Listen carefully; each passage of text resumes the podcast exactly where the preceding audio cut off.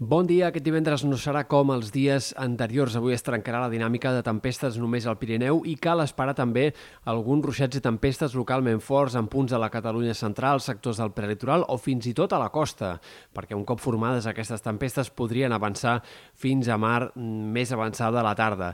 Sobretot sembla que la possibilitat més elevada d'aiguats que puguin deixar 20, 30, 40 litres per metre quadrat en poca estona es concentraria al voltant del Bages, Moianès, el sector de Montserrat o també en punts del Vallès, però cal esperar que pugui haver-hi algunes d'aquestes tempestes també en moltes comarques de Girona o fins i tot en sectors del Penedès o l'Alcamp. Camp. Per tant, atents a aquestes tempestes que han portat a Protecció Civil a activar l'alerta del Pla Inuncat. Demà i diumenge el temps serà diferent. Aquest dissabte hi haurà més clarianes eh, també a la tarda i les tempestes quedaran més enquadrades en sectors bàsicament del Pirineu. De cara a diumenge tornarien a guanyar una mica d'extensió, no tanta però com avui, i cal esperar que, si bé alguns xàfecs puguin afectar la Catalunya central, punts del Prepirineu o algunes altres comarques interiors, ho facin de forma més aïllada que no pas en els ruixats d'aquest divendres.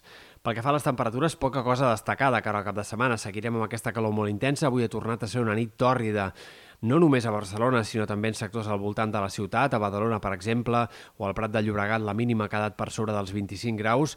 Això seguirà de cara als pròxims dies. També hem de seguir esperant una calor molt intensa aquest cap de setmana, tot i que les màximes puguin baixar lleugerament a Ponent i en algunes comarques del Prepirineu i de la Catalunya central, però seguirem amb temperatures clarament per sobre del que tocaria i això seguirà la setmana que ve. No hi ha indicis que en tota la setmana que ve arribi caps eh, alleugeriment de la calor significatiu, sinó que més aviat les temperatures es mantindran a la banda molt alta o podrien fins i tot de cara al tram final de la setmana arribar a valors extrems, tot i que això encara és bastant incert. Pel que fa a l'estat del cel, la setmana vinent sembla que la inestabilitat anirà de baixa a mesura que vagin passant els dies. Dilluns, dimarts encara podria haver-hi força tempestes al Pirineu i Prepirineu, però a mesura que avanci la setmana sembla que el més probable és que la inestabilitat vagi de baixa i els ruixats siguin cada cop més aïllats a la serralada pirinenca i, en general, per tant, la setmana vinent que es presenta molt d'estiu i amb molt més sol que no pas núvols.